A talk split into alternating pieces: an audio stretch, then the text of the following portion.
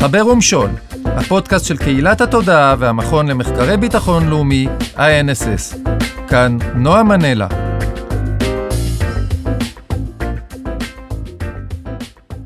פעם אנחנו מארחים את אה, דוקטור רונית מרזן, ועכשיו נשימה ארוכה, כי זה טייטל ארוך, נכון? אז אני אנסה לדייק.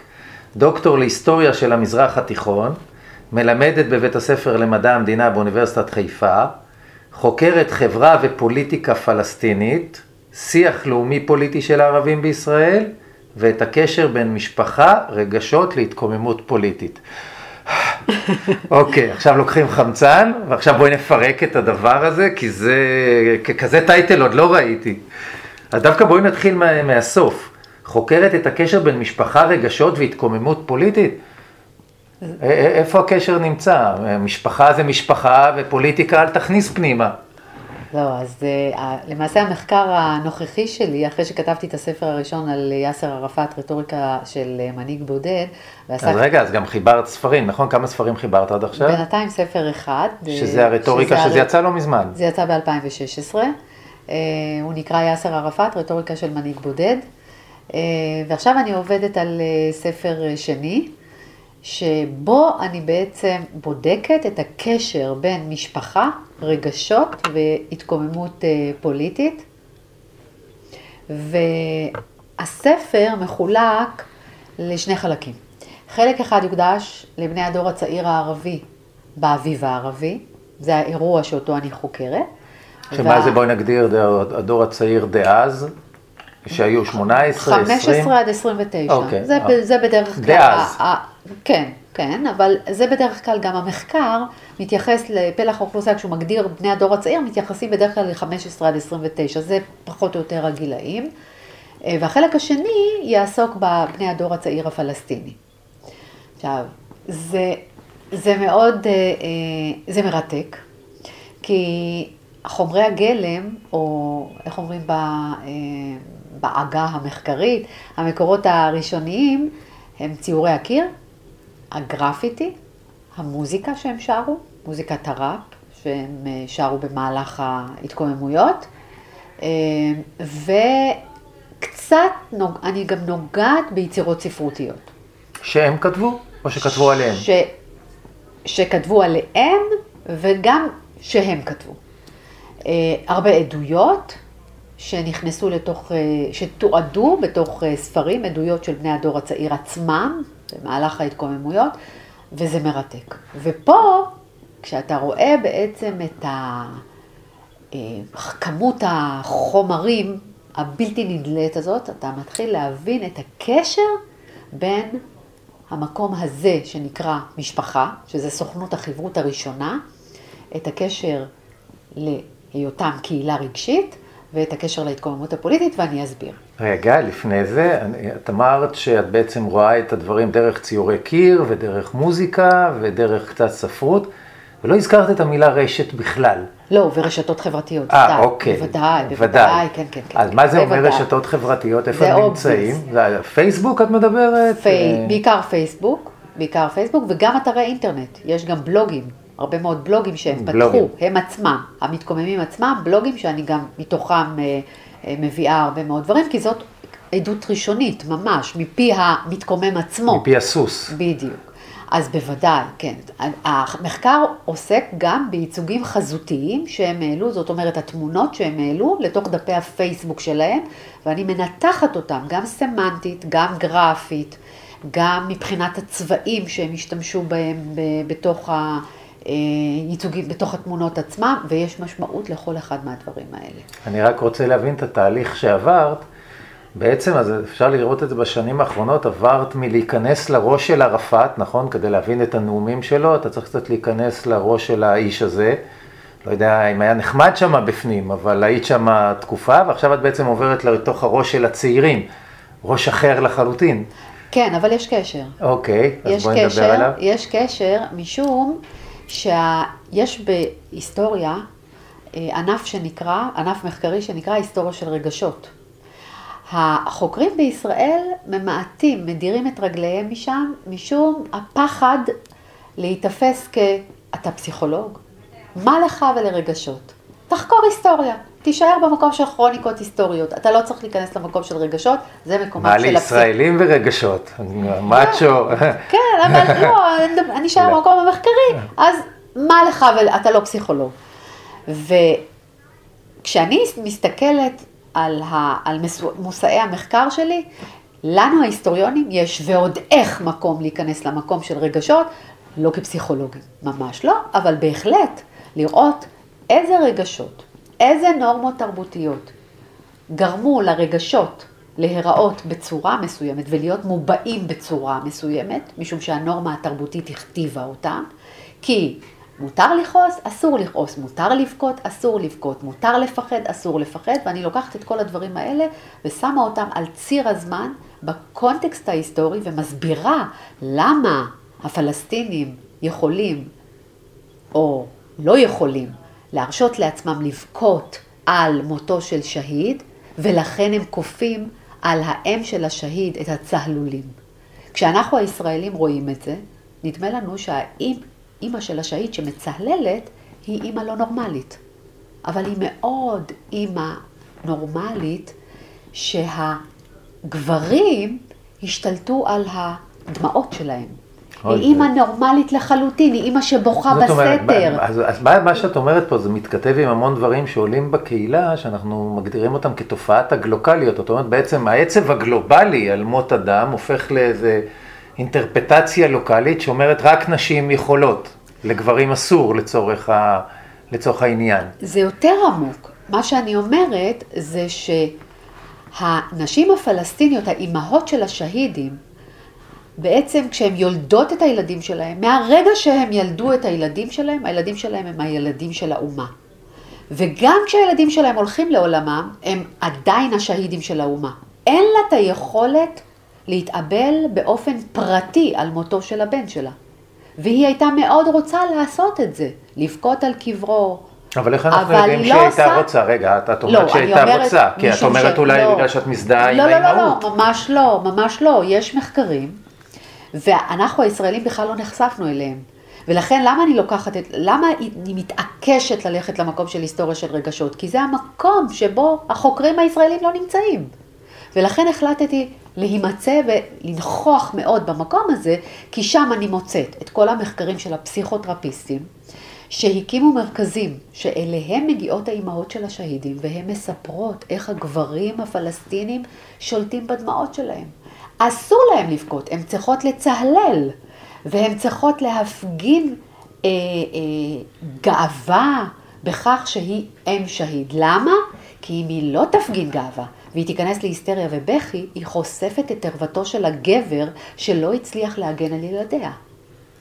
זה דבר מעניין, כי דווקא בפאודה, עכשיו כשאני רגע הולך, ראית פאודה? לא.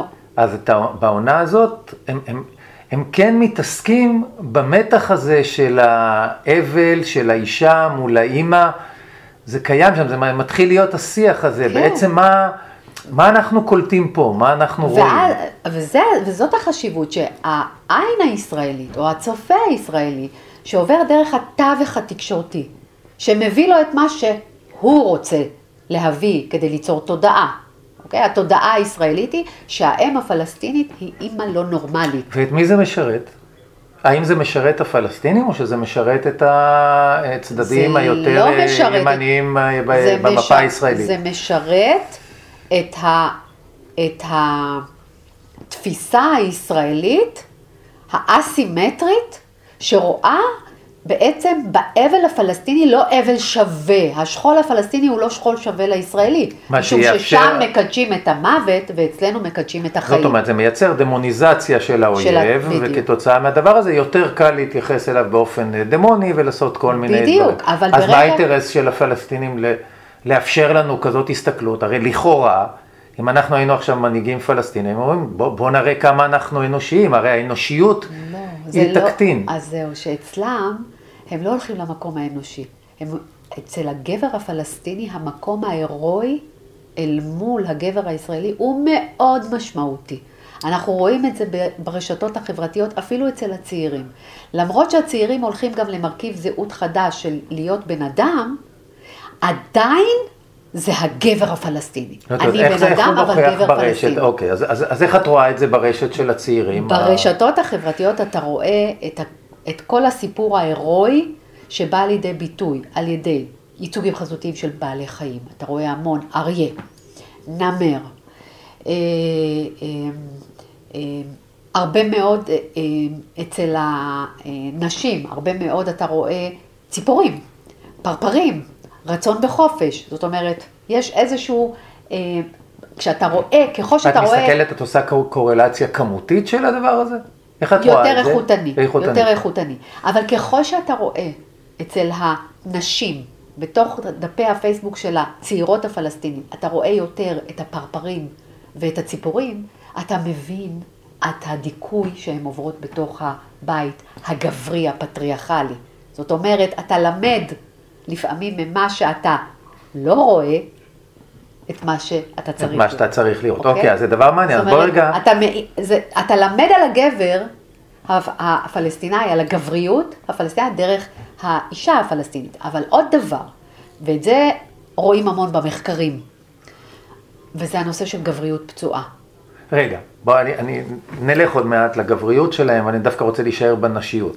אז ראינו בשנה האחרונה את כל תופעת ה-Women March ו-MeToo וההתגלגלויות של הדבר הזה. אז, אז איך זה משפיע על תפיסת הנשיות שלהם, אה, את, את המימי, נכון? זאת אומרת, מה, מה, קורה בתוך המשחק הזה? האם יש איזשהו שינוי? האם הרשת, העובדה ש, שאנשים השתלטו על הרשת בשנה האחרונה, האם היא מגיעה גם למחוזות שלהם? תראה, הסיפור של הנשים הוא, הוא מרתק, משום שהן מציינות, אתה רואה את זה גם במחקרים, אתה רואה את זה גם בדפי, ברשתות החברתיות, את הדיכוי הכפול, ואפילו המשולש. פעם אחת, בתוך הבית הפטריארכלי, אל מול האב, הבעל, הבן וכולי, האח. פעם שנייה אל מול האב השלטוני, השלטון הפלסטיני, השלטון של חמאס, ופעם שלישית מול הקולוניזטור הישראלי, שככה הן תופסות אותו בעצם, שעדיין השלטון הכיבוש הישראלי. זאת אומרת, הן מודרות בשוליות בשלוש מערכות, וזה לא פשוט, להיות מודר שלוש פעמים. אז איפה הם יבחרו בעצם להוציא את הזעם המצטבר? ה- ז- ה- כשאתה מנתח את הרטוריקה שלהם, כדי להגיע לשינוי במעמד המגדרי שלהם, הן עוברות דרך הרטוריקה הלאומית. הלאומית. זאת אומרת, כן. זאת אומרת, הן חייבות להיות שותפות למאבק הלאומי, המזוין והלא מזוין, כדי שהגבר הפלסטיני בסופו של יום, אם המאבק הזה שיתחולל יצליח, גם יביא לשיפור, בגלל שהייתה לו שותפה למאבק שלו, המזוין, אז בסופו של יום גם המעמד המגדרי שלה ישתפר. מה שלא קרה, לא אחרי אינתיפאדה של 87 ולא אחרי אינתיפאדת אל-אקצא, הם הושגו חזרה אל הספירה הביתית. יש, כמובן, שינויים בתוך, ה, בתוך הסיפור המגדרי, אבל הפלסטינים עוד לא במקום שבו אתה יכול להגיד שהאישה הפלסטינית שוחררה ושיש לה נציגות. לא, ברור, אבל השאלה- וכולי וכולי. הרשת הזאת היא בעצם נותנת הרבה עוצמה לחלשים ולמודרים, מפני שהם מתחברים והם מקבלים עוצמה שלא הייתה להם פעם, הם יכולים להתחיל ללחוץ על המערכות. אז כאן נשאלת השאלה, אחד זה מי זה המודרים, למעט נשים אולי בחברה הפלסטינית, האם יש עוד קבוצות שהן מודרות, והדבר השני, איך הרשת משרתת את הנשים האלה בלהתחזק, בלשנות, בללחוץ, כדי לשנות את, אה, תראה. את מעמדן המודר. תראה, אה, אה, אח- ה- נורא מעניין לראות שכשאני מסתכלת, לפני הפלסטינים, כשאני מסתכלת על, ה, על מה שהתרחש בהתקוממויות הערביות ב-2011 באביב הערבי, ושם הם כבר התחילו באינתיפאדה נשית, הם נגד האירהאב אל-ג'ינסי, דרך, ה, ד, נגד הטרור המיני. זאת אומרת, ה... ה באביב הערבי. באביב הערבי אנחנו ראינו אינתיפאדה של נשים, ממש פתחו דף פייסבוק, דיד אל אירהאב אל ג'ינסי, נגד הטרור המיני, זאת אומרת המיטו כבר, הערבים כבר זה התחילו בו. נקרא ג'ינסי, אבל זה לא קשור לג'ינסים שלנו. לא, לא, לא. לא, אני חשבתי עכשיו ישר הלכתי לא, לא, דיזל. אירהאב אל ג'ינס, מהמילה ג'ינס. ו, אה, וכבר אז הסיפור הזה התחיל ב- ב- בהתקוממות בעולם הערבי. עכשיו, אי אפשר, כשלפעמים, הרבה פעמים כשאני שומעת אה, חוקרים רבים אומרים, ולא רק חוקרים, בכלל, אנשי ציבור ובכלל ההמון הפשוט, האביב הערבי הפך לחורף ערבי. ואני חושבת שדווקא בעניין הנשי, בעניין המגדרי, למרות שהם הושגו חזרה אל הספירה הביתית, יש בהחלט הישגים מאוד משמעותיים, כי מוחמד אבן סלמן בסעודיה לא היה עושה את מה שהוא עושה אילולא האביב הערבי. בדיוק, אז עכשיו סלמן כמובן קפץ לי כמובן אה, אה, לראש. אז איך בעצם, ה, נקרא לזה האמנסיפציה הזאת, המיני אמנסיפציה שיש לנשים הסעודיות שפתאום הולכות לכדורגל ועכשיו יכולות לנהוג, האם זה מחלחל דרך הרשתות לפה, לשכם, רמאללה, עזה? בוודאי, בוודאי. יש מיזם, למשל, שנקרא אה, פלסטין על הביסיקלט. זאת אומרת, פלסטין על אופניים, שביל ישראל, לצורך העניין, המקביל של שביל ישראל. ושם אתה רואה נשים מדוושות לצידם של גברים. אז זה מיזם אחד. מיזם שני, שעכשיו אה, אה, העליתי, שכחתי את שמו, אבל העליתי לדף הפייסבוק שלי, שהן מבקשות להיפגש ברמאללה להביא אה, עוד, אה, אה, הן קוראות להרבה מאוד נשים להצטרף למיזם ובעצם לבוא להקשיב לנשים מעוררות השראה. עכשיו, המיזם הזה הוא ברמאללה. השאלה הגדולה, האם, האם זה יישאר רק במקום של האליטה הנשית העירונית, או שזה יתחיל לחלחל גם לאליט, ל, ל, לא לאליטות, אבל ל, ל, לנשים בכפרים ובמחנות הפליטים. אז, אז כי מה שקרה בעבר, זה שאנשים במחנות הפליטים ובכפרים הסתכלו על הנשים, הסתכלו על הנשים העירוניות אה, ב, בעין עקומה, משום שהם הסתכלו עליהם כמי שבעצם תופסות עליהם איך אומרים בלשון העם, תופסות עליהם תחת, ויהירות ומתנשאות, והן באות ממקום גבוה לעזור להם, והאסימטריה הזאת המעמדית הכעיסה אותם, הם נתפסו כסחורה פגומה. וכמי שרוצים בעצם לשפר את הסחורה הזאת, וזה מאוד הרגיז אותם. אז זה משהו שמאוד מעניין לראות אותו, את ההתפתחות שלו. לצידי גבריאל, את רוצה להציג את עצמך? אני גבריאל הראל, חוקרת פה במכון, עוזרת מחקר של אה, דודי פה בפרויקט תודעה, ורק רציתי לשאול, בנוגע ליחס שבין העירוניות לכפריות, האם את רואה את זה גם אצל גברים או אצל צעירים, יחס של מודרות בין שבטית בתוך החברה הפלסטינית, או נגיד כפריים שמרגישים מודרים מהעירוניים או מודרים מהספירה גם הצעירה. כן, בהחלט. אה, אחד הדברים, כשאתה רואה את הסרט בית לחם, הוא סרט מצוין, אני מקרינה אותו לסטודנטים שלי. מה? הוא סרט מאוד קשה. קשה. כן, כן, הוא סרט קשה, אבל בואי נתעלם רגע אחת מהעלילה. העלילה היא פחות מעניינת אותי כחוקרת, היא טובה, איך אומרים, כסרט אה, קולנוע הוליוודי כזה, אבל אה, אותי, כשאני מקרינה אותו לסטודנטים שלי ואנחנו מקיימים סביבו דיון, אני מבקשת מהם להבחין על לפי מה שהם למדו, כי הוא מוקרן בסוף הסמסטר, אז יש להם מספיק ידע, ואז אני מבקשת מהם לזהות את אותן קבוצות מודרות אל מול אליטות, אל מול קבוצות חזקות יותר, כדי לראות בעצם את השסעים בין המודרים לבין האליטות ההגמוניות. ואז אנחנו רואים מוסלמים ונוצרים, כפריים ועירוניים, תנזים אל מול מנגנוני הביטחון, האליטה הפוליטית הנהנתנית והשבעה של רמאללה, זאת אומרת רמאללה וכל השאר. אה, אנחנו רואים את ה... אה, בתוך הבית הפטריארכלי, את המעמד שבעצם ההגמוני של האבא, איך הוא מתרופף אה, אל מול שלטון האח ואל מול הילד הקטן שקורא תיגר על האבא. אה, אנחנו רואים נשים וגברים, את מקומה של האם אל מול האב ההגמוני, מה מתרחש שם בתוך הבית הפלסטיני, יש שם דברים מדהימים. את אה, אמרת קודם על הגבריות הפצועה, את יכולה לתת על זה בקצרה שני כן, משפטים? אחד הדברים שאני כל הזמן מנסה להסביר בעצם אה, כששואלים אותי על, ה, על הטרור, זאת אומרת, מה, מה מביא את הצעירים והצעירות למקום, להצטרף לתרר, לארגוני לתרר. טרור, לטרר או, או, או לבצע פיגועים וכולי וכולי.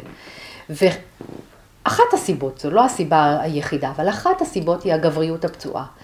כאשר אה, ילד חווה בילדות שלו, בנערות שלו, אה, נקרא לזה אה, סצנה, שבה חיילי צה"ל נכנסים לתוך הבית, וה, וה, והסיבה היא מוצדקת, לחפש מבוקשים, לחפש אנשים רעים.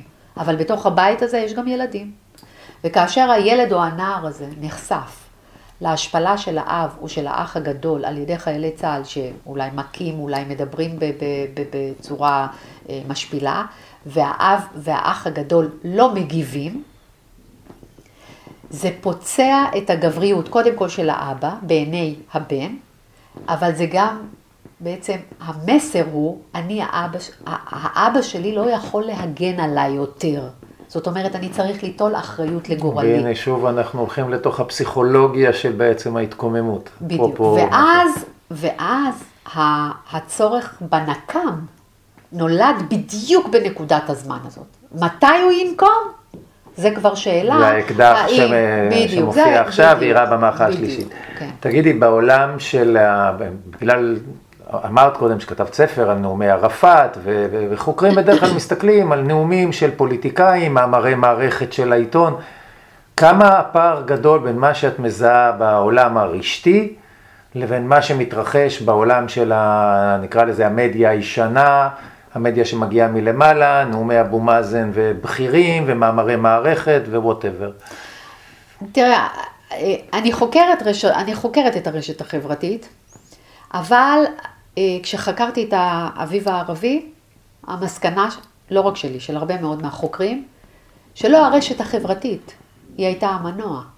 המנוע שבעצם הביא את ההמונים החוצה והביא להבשלה של, ה, של תחושת המודרות לכדי התפרצות ולשבירת מחסום הפחד, היה למעלה מעשור וחצי שדווקא המדיה הישנה של ערוצי הטלוויזיה ואל-ג'זירה בראשם, היא זאת שבעצם עשתה שיימינג לבני הדור הצעיר, ואמרה להם, תסתכלו על עצמכם, תסתכלו על האבות שלכם, שמסכימים בכניעות לקבל את השלטון האוטוריטרי הדכאני, מבלי להתקומם נגד השליט. ואתם, בני הדור הצעיר, שחיים כבר במקומות אחרים, בתוך הרשת החברתית הווירטואלית חוצת הגבולות, ממשיכים בדרכם של אבותיכם. אז אני רוצה לאתגר אותך, האם, האם זה היה קורה בתצורה דומה אם לא היו רשתות חברתיות? או שבעצם הדור הזה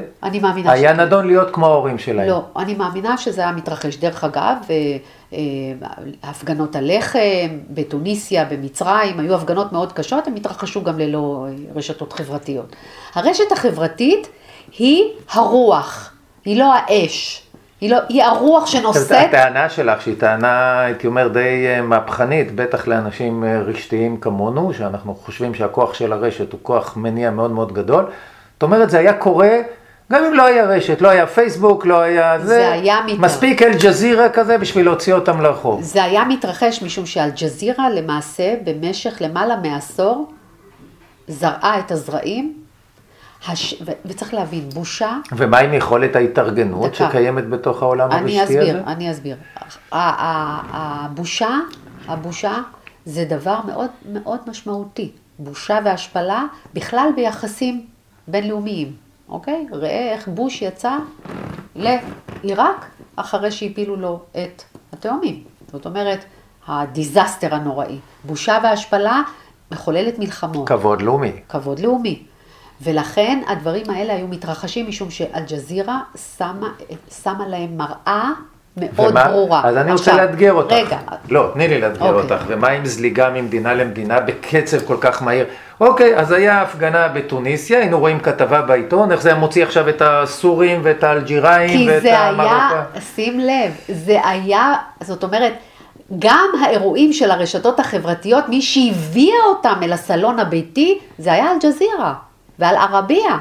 זה לא הרשת החברתית היכולת... שעברה בין טוניסיה לבין מצרים. לא רק זה, ערב המהפכה, ערב המהפכות, ערב ההתקוממויות יותר נכון, מידת הנגישות של ההמונים, שים לב, הרוב הגדול של ההמונים בתוניסיה, בתימן, באו ממחוזות מרוחקים שלא הייתה נגישות בכלל לאינטרנט ולרשת חברתית. זאת אומרת, הם ישבו, ההמונים הם בעצמם יושבים... שם רשת חברתית בשבטים האלה. ו- ו- ולא רק זה, אם, אתה, אם אני הולכת יותר רחוק, מי בסוף ניצח במצרים? הרשת החברתית האותנטית של האחים המוסלמים, לא הווירטואלית. אוקיי? השאלה אם הם לא מחוברים. לכן- אני, מה שאני מנסה להבין זה האם היכולת ההתארגנות כתוצאה מהרשת היא לא משהו ש, שמייצר מאיץ חלקיקים למחאות האלה, זה- שבלעדיהן אולי הם היו דועכות איפשהו באמצע. תראה, הם דעכו גם, גם עם uh, הפייסבוק, הם דעכו. בסופו של יום הם דעכו. כל ההתקוממויות, הן נמצאות באיזשהו מצב של... אתה יודע, במצרים הורידו את מובארק, בסוריה עושה מלחמת אזרחים, כן, אבל עלה, בתוניסיה היה אבל מנהיג עלה אחר. סיסי. זה נכון, עלה אנחנו. נמצאים באיזשהו תהליך. בוא נאמר שהם דעכו ברמת ההתפרצות ההמונים, משום שההמונים כבר לא נמצאים בכיכרות, אוקיי? הם לא דעכו לגמרי, הם עוד קיימות.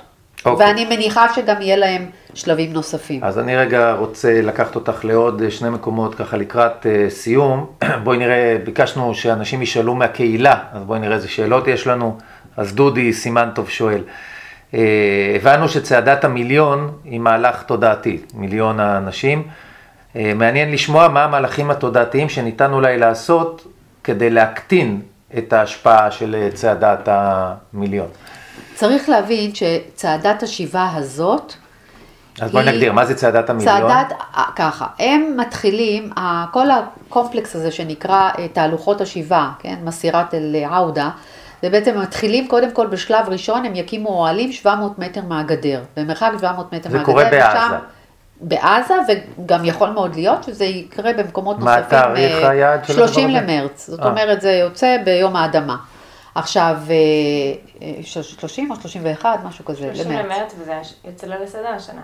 אה, וואלה. אבל, אבל זה, לא צריך, זה לא צריך להטריד, משום שזה לא מהלך אלים, משום שזה 700 מטר מהגדר, הם אינם מתכוונים לפרוץ את הגדר בשלב הזה. מתי, מתחילה להיות ה... מתי מתחיל להיות הסיפור האמיתי?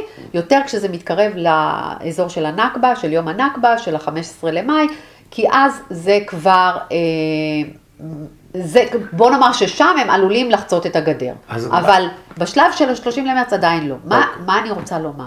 הסיפור הזה של תהלוכות השיבה הוא סיפור מאוד משמעותי מבחינת השינוי התודעתי של הפלסטינים, הניסיון בעצם באמצעות הדבר הזה לחולל שינוי תודעתי אצל הפלסטינים. זאת אומרת, לומר לפלסטינים, המאבק המזוין כשל, המאבק המדיני כשל, בואו נלך למאבק אזרחי, נוסח גנדי.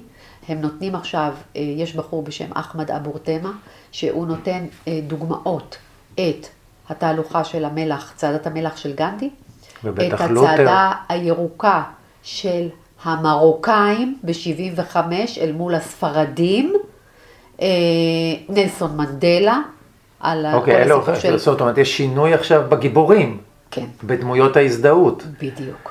זה, זה, זה מרתק וזה מה שאת מהפך, אומרת. וזה מהפך שמסכן מאוד את מדינת ישראל. משום שכל עוד, אילו היה לנו שכל בקודקודנו, היינו נשארים במקום של המשא ומתן המדיני. אבל ברגע שאנחנו בעצם כשלנו במקום הזה, הם כבר הולכים צעד אחד קדימה. זאת אומרת, הם כל הזמן מקדימים אותנו, אבל בעצם, בעצם יש פה תהליך מרתק שעברנו מתהליך, מסכסוך, נקרא לזה לאומי, לסכסוך דתי, ובעצם עכשיו אנחנו הולכים לסכסוך של זכויות בני אדם. בדיוק. אזרחי, שבעצם הם לוקחים את סוגיית, את אחת מסוגיות הליבה, זכות השיבה, שהיא זכות הומניטרית, אנושית, ואת הזכות הזאת, הם בעצם יוצאים בשמה אל המאבק. עכשיו, מי- מי מה זה אומר? מאחורי הדבר הזה, מהרעיונות האלה? אין לנו הרבה תכף. ומה זה אומר? זה אומר שבעצם הם לוקחים את מדינת ישראל לסכנה הכי גדולה שלה, זה אופייה היהודי של מדינת ישראל, אוקיי? זה, זה נקרא, זה, זה הסיפור של זכות השיבה. זאת אומרת, האיום הוא על האופי היהודי של מדינת ישראל. זה כבר לא סיפור לאומי וגם לא דתי, על אל-אקצא.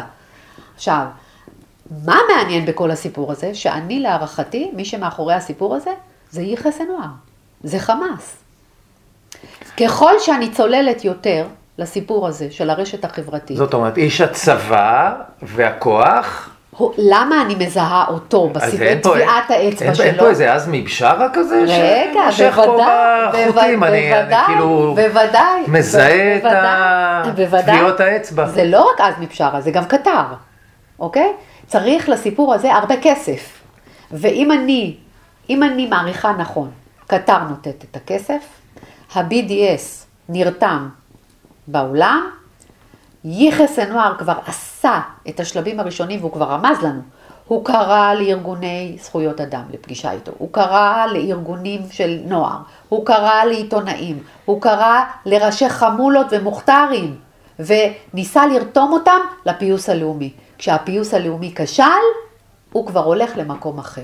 אוקיי, מרתק ולכן, ביותר. ה- ולכן לדעתי חמאס הבינה שזה סוף עידן ההתנגדות המזוינת, למרות, ותחילתו... למרות שאיראן בוחשת פה. כן. זה די, כאילו שינוי אה, תודעתי מעניין. כן. אה, אז אני רגע רוצה להבין עוד משהו. האם, האם כל מה שיש פה בצעדת השיבה הזאת, או מחאת השיבה עכשיו, אה, אין לה, אין לה מרכיבים אותנטיים? הכל זה מטעם כל האנשים שיבואו לפה עכשיו, אנחנו צופים שהם אנשים שיכריחו אותם להגיע לכאן, או לא, שזה, אני מאמינה, אני, וזאת השאלה הגדולה, כי... שזה יהפוך להיות מחאה רשתית ואחד מביא את נכון. השני ויש לנו רוטשילד 700 מטר מהגדר. נכון, אבל השאלה הגדולה היא, ב-2016 אותו אחמד אבו תמה פתח דף פייסבוק ולא הצליח. זאת אומרת, מסירת אל-עאודה, כבר ב-2016 יש לנו את הגלגול הראשון שלה. הם כבר ניסו לעשות את זה והם לא הצליחו. היה עוד אחד ב-2011 בלבנון. לא, עזבי, אני מדברת על עזה. ברור, ברור.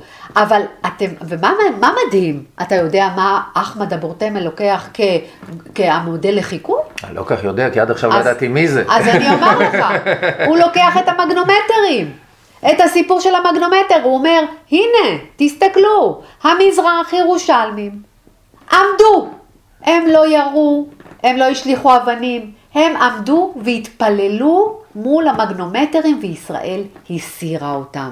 הכוח השקט של המודרים. בדיוק. ושאלה אחרונה, ועם זה ככה נסיים, רותם פררה, אה, מההיכרות שלך את העולם הפלסטיני, מה את חושבת על השפעות של אירועים גלובליים אה, על, ה, על הפלסטינים? אה, למשל על הצעדה שהייתה אתמול, צעדת never again, האם היא יכולה להשפיע על המוטיבציה של הצעירים פה? בוודאי, בוודאי. הצעירים הפלסטינים הם צעירים משכילים, ואותו אחמד אבו תמה, איש מאוד משכיל. איך הוא נהיה גיבור פה עכשיו בפודקאסט הזה? עד לפני שנייה לא ידענו מי זה, אז עכשיו נהיה לנו איך אה, אחמד אבו הוא- תמה, אחמד אבו תמה הוא... תתחיל לשנן. אחמד אבו תמה הוא הדובר המרכזי של הסיפור הזה. אני כבר יושבת יומיים, מוציאה את דף הפייסבוק שלו להארט קופי, ממש עם כל התמונות, עם כל הפוסטים שלו, ואז אני אשב ואנתח את דף הפייסבוק שלו, איכותני. ואתה מזהה... אז רגע, כבר אני מזמין אותך להעלות על זה פוסט בקהילה. זה עכשיו, אי אפשר להשאיר את זה ככה. לא, לא, אבל זה ברור. אבל ייקח זמן. ייקח זמן, כמה זמן? עד מחר? לא, לא, זה משהו שאתה צריך לצלול לתוכו לעומק, אבל. אני כבר מזהה הרבה מאוד דברים מאוד מעניינים. א', את כל, אתה, בוא, אתה מסתכל בעצם מי הם הגיבורים, גיבורי תרבות חדשים, אה, מי הם הספונסרים, אה, מי הם אנשי התקשורת שהוא, שכנראה, אה, איך אומרים, יסקרו את, ה. את המהלך הזה ויפיצו אותו, וזה חמאס מאוד חזק בתוך הסיפור הזה. רונית, אשכרה, העפת לי את המוח. זה כן. פשוט היה מרתק, חמאס מקסים. עושה לנו בית ספר. חמאס עושה לנו בית ספר. מדרסה, עושה לנו מדרסה. היא הרבה יותר חכמה מתנועת הפת"ח. וואלה. הרבה יותר חכמה ממנה. אז כן, יש לנו ממי ללמוד. כן, והם פרטנר לדעתי ששווה להתקדם איתו למקומות אה, טובים. רונית מרזן, את מדהימה, והיה מקסים. תודה, תודה גם לגבריאל, ונתראה בפודקאסט הבא. חבר ומשול, הפודקאסט של קהילת התודעה והמכון למחקרי ביטחון לאומי, INSS. כאן נועה מנלה.